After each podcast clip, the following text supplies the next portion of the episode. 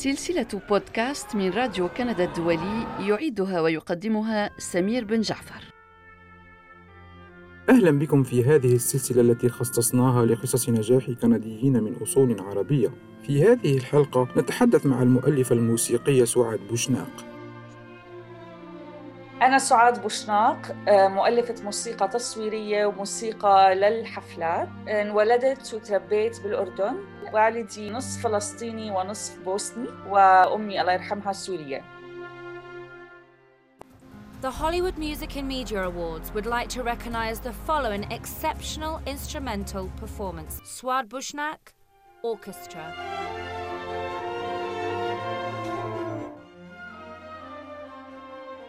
تود جائزة هوليوود الموسيقية في الإعلام الاحتراف بالأداء الموسيقي المميز لسعاد بوشناق في فئة الأوركسترا. هذا ما جاء في حفل توزيع جوائز هوليوود الموسيقية في الإعلام الذي نظم افتراضيا بسبب جائحة كوفيد-19 في السابع والعشرين يناير كانون الثاني الماضي حيث كرمت المؤلفة الموسيقية سعاد بوشناق وأوركسترا المغتربين السوريين الفيلهارموني.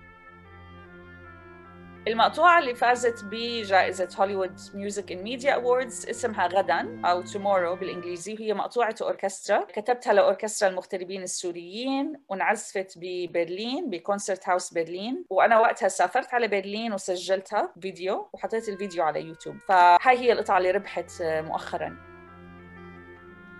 أوركسترا المغتربين السوريين فيلهارموني تم تأسيسها ببرلين من قبل صديق عزيز اسمه رائد جذبة هو أحد أصدقائي من المعهد العالي للموسيقى بالشام. طلعت عنده فكرة رائعة أنا برأيي هي إنه بعد الحرب بسوريا كثير من الموسيقيين تركوا الشام وإجوا على أوروبا. كل أنحاء أوروبا يعني إجوا على السويد فرنسا بلجيكا إنجلترا كل أنحاء أوروبا صار فيها موسيقيين سوريين. وبسبب الفيسبوك نحن كلنا بنعرف بعض و وصرنا نشوف إنه فلان الموسيقي هلأ عم بيعزف مع الأوركسترا الفلانية بهامبورغ، فلان عم بيعزف مع الأوركسترا الفلانية بفرنسا، فالموسيقيين السوريين راحوا على أوروبا وصاروا يعزفوا مع فرق وأوركسترات، وفي جزء من هدول الموسيقيين راحوا على أوروبا قبل الحرب، فرائد جذبة قال لحاله ليش ما أنا أجمعهم كلهم بما إنه عددنا كبير ونعمل أوركسترا وحدة نسميها أوركسترا المغتربين السوريين وتكون هدفها هو نشر صورة مضادة لسوريا عن الصورة اللي عم بيشوفها العالم الغربي. يعني أنا بقول لك سمير لما تخرجت من كلية الموسيقى بماكجيل بال 2009 ذكرت كلمة سوريا لواحد من أساتذتي بروفيسور في الجامعة. قال لي وين هاي؟ قلت له سوريا قال لي where where is that يعني ما كثير عرف أفريقيا آسيا فرجعته على الخريطة. اللي صار يزعلني إنه بعد الحرب السورية صرت تقول كلمة سوريا لأي حدا بالشارع صار كله مش بس فاهم شو هي ولا ورابطها مع صور دم وقتل وذبح وداعش. هاي صارت نظرة العالم صار الكل عارف يعني كانه فجأة نبعت هيك بلد من حيث لا تدري اسمها سوريا ونسيوا تاريخها نسيوا إنه هاي بلد كان فيها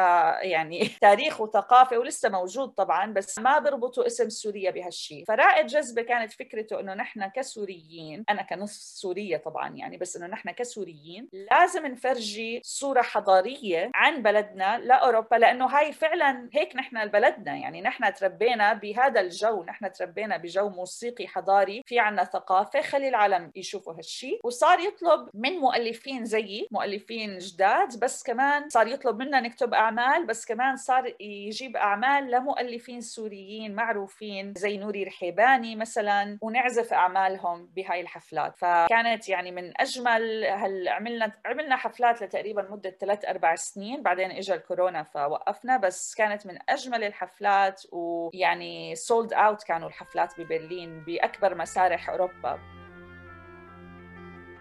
كل الأوركسترا فازت. مؤسس الأوركسترا فاز قائد الأوركسترا غسان عبود فاز. كل العازف من ال 75 عازف اللي كانوا قاعدين عم يعزفوا على المسرح فازوا. يعني أنا أهديت الفوز لهم الأول ما عرفت إني فزت راسا أهديته لهم لأنه بدون هدول الموسيقيين القطعة ما كانت موجودة. بدون رائد ما يتصل معي ويقول لي بتقدري تألفي لنا قطعة؟ كان ما ألفتها. فهو جهد مشترك طبعا وفوز مشترك. وحتى هلأ طلبت التمثال الجائزة يعني لأنه بيعطونا تمثال. اصريت لما طلبته إنه بالإضافة لاسمي يكون محطوط اسم الأوركسترا عليه لأنه هي جائزة مشتركة 100% أعترف أنني لا أستمع كثيرا للموسيقى الكلاسيكية وفي الوقت نفسه لا أرفضها أيضا. لكنني منذ أن اكتشفت موسيقى سعاد بوشناق أصبحت ألحانها لا تفارقني خاصة حينما أبحث عن جو هادئ يساعدني على إنجاز عملي. وأردت أن أتعرف أكثر على هذه المؤلفة الموسيقية التي تقيم في كندا منذ 17 عاما. لما صار عمري 18 سنة رحت على سوريا على دمشق. درست موسيقى بالمعهد العالي للموسيقى هناك. ولما صار عمري 22 سنة أنا وأهلي هاجرنا على كندا. إجينا على مدينة كينغستون أونتاريو. وبعدين أنا نقلت على مونريال ودرست تأليف موسيقي بعد ما إجتني منحة من جامعة ماكجيل.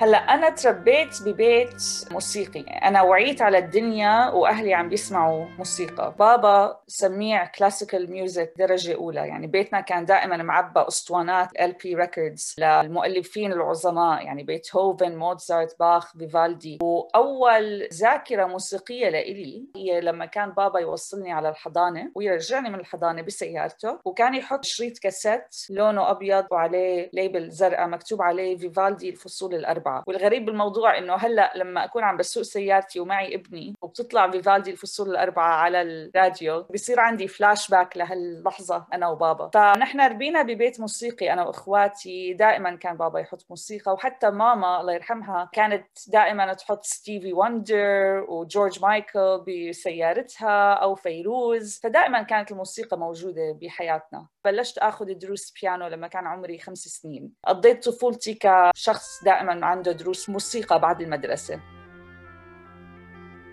انحظيت كثير لما كان عمري 16 سنة بمعلمة بيانو. كانت ما تأخذ كثير طلاب. هي تعتبر أحسن معلمة بيانو بالأردن اسمها أغنس بشير. وشافت عندي موهبة تأليف فشجعتني. هلأ مع إني أنا على فكرة كنت من الأوائل بالمدرسة. يعني أنا كنت دائما على لوحة الشرف بالمدرسة معدلي بالتسعينات. و... وكل أساتذتي كانوا يتخيلوا إني رح أفوت طب هندسة أو يعني كالعادة نحن صيدلة طب هندسة. العالم العربي هيك بتوقعوا الناس. وأهلي الاثنين صيادلة على فكرة. فكرة. فكان في حتى بريشر أكثر من المحيط تبع أهلي إني أدرس شيء هيك. بس أهلي كانوا شوي ضد التيار وقالوا لي إنه نحن درسنا صيدلة غصب عنا. ولا يعني لا أمي كانت تحب الصيدلة ولا أبوي كان يحب الصيدلة. فقالوا لي أهم شيء تعمليه بحياتك هو إنك تدرسي شيء انت بتحبيه وتتابعي بشيء انت بتحبيه. فقررت لما كان عمري 16 17 إنه أنا بدي أكمل بالموسيقى كاحتراف. أنا أهلي كانوا مقدمين هجرة لأنه آه، كان عندهم دائما خوف إنه رح يصير إشي بالعالم العربي. بصراحة يعني. يعني هنا طبعا بيحبوا بلدهم بيحبوا هذيك المنطقة. ما حدا بيقطع حاله من أهله. وهن كانوا كمان معروفين جدا بالأردن كصيادلة. يعني عندهم صيدليتين معروفين وكل العيلة هناك. بس كانوا دائما عندهم هذا الشك إنه الوطن العربي مش كتير آمن. وإنه كمان بالنسبة لأولادهم أنا أنا أكبر بنت كانت من خمس أطفال. يعني أنا نحن ثلاث بنات وصبيين. وبالنسبة لأهلي كان بدهم يتأكدوا إنه إلنا مستقبل شبه مضمون. أو ببلد تحترم الإنسان وبتحترم جهد الإنسان. كانوا أهلي دائما يقولوا نحن بس بدنا نعيش ببلد. نعرف إنه إذا نحن ماشيين دغري الدولة بتحترم هالإشي. كان بدهم طريقة حياة ما يكون فيها فساد ما يكون فيها مظاهر. فقرروا يقطعوا هن حياتهم هناك عشاننا إحنا الأولاد عشان مستقبلنا. اجتني منحة من جامعة ماجيل. يعني ونقلت عليها بعد سنة وكانت هاي كمان خبرة رائعة جدا لأنه آه، جامعة ماجيل تعتبر من أهم الجامعات الموسيقية بكندا وكانت كلية موسيقية ضخمة ومستواها عالي جدا جدا. قبل ما نتمم ثلاث سنين بكندا اللي هي أول ثلاث سنين بيكونوا بالعادة أصعب شيء. ماما صار معها سرطان وكان مفاجئ وسريع وتوفت بكينغستون وكانوا لسه إخواتي صغار. يعني أصغر أخ كان عمره لسه 10 ونص 11 سنة. فهاي كانت صدمة كثير كثير كبيرة. فهاي أول زي ما تقول هزة أرضية صارت بحياتنا. يعني الواحد ما بتوقع هيك يصير إشي بفترة قصيرة وهي صغيرة بالعمر أمي كانت الله يرحمها. أنا كنت بنص دراستي الموسيقية على فكرة. كنت رح أترك الجامعة وأرجع على كينغستون وبابا قال لي ولا يمكن إنه ما بتضحي بمستقبلك أنت يعني نو no واي ما بسمح بهذا الإشي. بال 2012 اكتشفت إنه في هلأ موجة جديدة من المخرجين العرب الصغار بالعمر. عم ببلشوا يعملوا أفلام. في حركة فنية جديدة بالوطن العربي. وأنا بهمني إنه أكون متصلة مع الوطن العربي لأنه أنا ما إجيت على كندا وعمري خمس سنين يعني مثلا أو سبعة. يعني كنت 22 لما إجيت على كندا فلساتني عربية من جوا. وعندي تاريخ كامل بالعالم العربي قبل ما أجي على كندا. فبلشت أتصل مع مخرجين وبال 2012 في مخرج توفى للأسف قبل سنة ونص صغير كمان بالعمر اسمه رفقي عساف. لقينا بعض على الفيسبوك وقال لي آه انت مؤلفة موسيقى أنا عم ببلش أشتغل على فيلمي الروائي الطويل الأول. فهو فتح لي باب التأليف بالسينما وفيلمه انعرض بمهرجان دبي بال 2015 وكانت هاي أول مرة بيطلع اسمي بالسينما. فيلمه اسمه المنعطف. عملت بعده فيلم اسمه كان يا مكان مرتين لمخرجة لبنانية اسمها نعم عيتاني. عملت فيلم ألوان من المقاومة لمخرجة فلسطينية اسمها عريب زعيتر فيلم توب العيرة للين الفيصل ومؤخرا عملت كذا فيلم فيلم بيت سلمى لهنادي عليان فيلم ضيف من ذهب لسعيد زاغا فيلم ليل لأحمد صالح فأنا شاغلة منيح بالسينما العربية وكمان شاغلة بالسينما الكندية.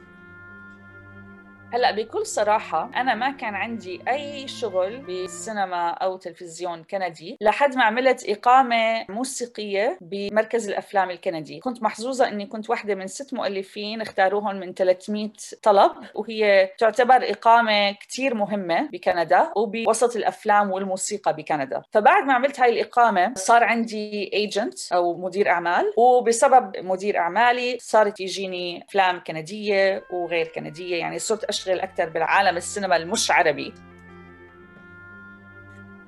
هلا أنا بمزج بين الموسيقى العربية والغربية لأنه يعني بلاقي إنه أنا هاي هي شخصيتي. أنا لما ألف موسيقى بكون عم بعتبر حالي إنه عم بحط مين أنا بهذا المؤلف الموسيقي. خصوصا كوني من أصول متعددة يعني إنه أنا في أصول أوروبية بوسنية في أصول عربية ساكنة بأمريكا الشمالية ففي دائما عدم استقرار إنه أنا بحياتي ما عشت مثلا بفلسطين أو بالبوسنة ولما عشت بسوريا كنت أعتبر لسه ضيفة يعني. فدائما دائما في عدم استقرار من ناحية الهوية إنه أنا أنا مين؟ طيب حتى ككندية إنه أنا عربية كندية. طب كعربية كندية كمان ما بقدر أقول أنا كندية والله. لا في أصول في حياة صارت قبل هذا الحكي. مزج الموسيقى الشرقية مع الغربية هذا مش إشي أنا يعني اخترعته طبعا لأنه كان موجود. أنا لما كان عمري 16 وكنت قررت إني بدي أصير مؤلفة. كنت كتير أسمع المؤلف المصري عمر خيرت اللي كان هو من أوائل الناس تقريبا المشهورين اللي كانوا يدمجوا ألحان شرقية أو مستوحاة من الشرق مع بنية موسيقية غربية. يعني نحن الموسيقى الشرقية أو العربية بتعتمد إجمالا على اللحن فقط موسيقى لحنية. طبقة واحدة. في عنا مقامات متعددة جدا جدا فبصير عليها تقسيم. يعني هو طابع فني بحد ذاته غني جدا والفن فيه بيجي من التقسيم. من شغلات أنا للأسف حتى مش ضليعة كثير فيها لأنه أنا مش اختصاصي موسيقى شرقية. أنا كوني اختصيت بالبيانو بطفولتي بعدين درست تأليف موسيقي بقواعد وأصول غربية أنا دائما كان بيستهويني الهارموني أو تعدد الأصوات اللي موجود بالموسيقى الغربية. هو جزء مهم كتير بالمؤلف الموسيقي وممكن يغيره تغيير جذري حسب شو الأصوات المساندة اللي بتنحط. ففكرة دمج الألحان الشرقية مع الأصوات المساندة أو الهارموني الغربي كنت أسمعها بأعمال عمر خيرت بأعمال مارسيل خليفة الموزعة على أوركسترا وكان هذا الشيء كتير يستهويني. حتى لما صرت أسمع لمؤلفين من شرق أوروبا زي رخمانينوف مثلا أو ريمسكي كورساكوف اللي هن ألحانهم الشرق أوروبية بتشبه شوي الألحان العربية. كان كثير يستهويني هذا الدمج بين هاي الألحان والهارموني. فصار هذا الشيء أنا أعمله بمؤلفاتي وبيعجبني.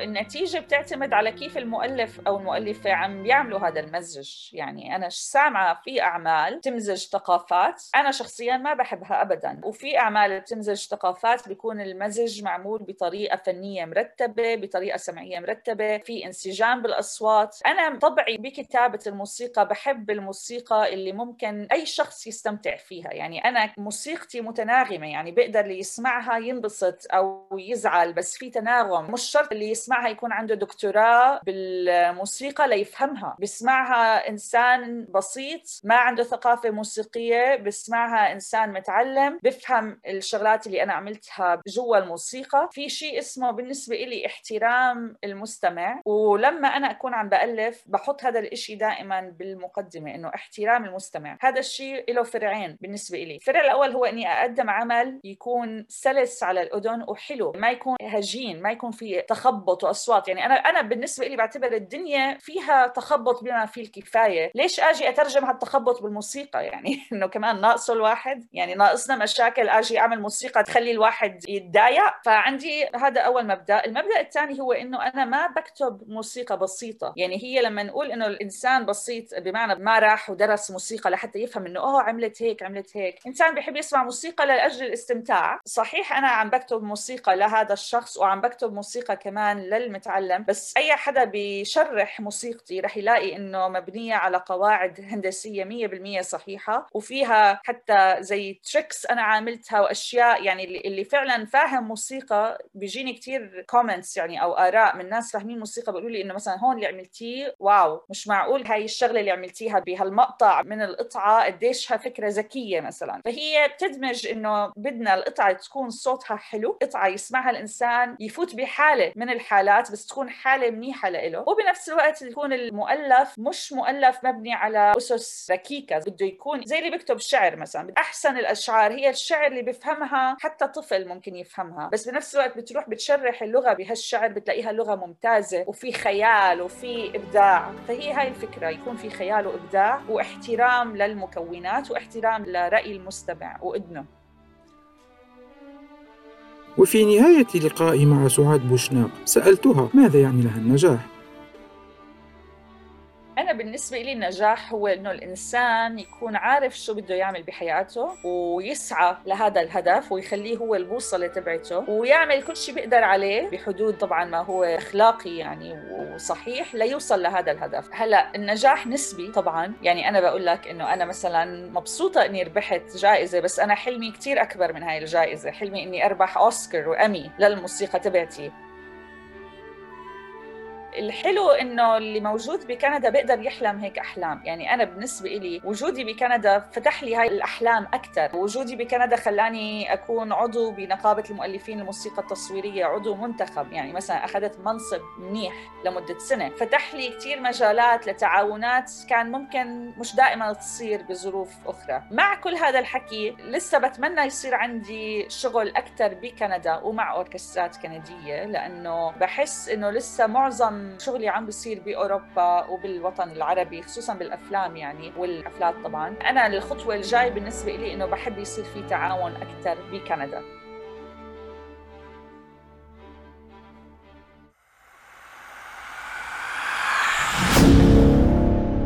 سلسلة بودكاست من راديو كندا الدولي يعيدها ويقدمها سمير بن جعفر.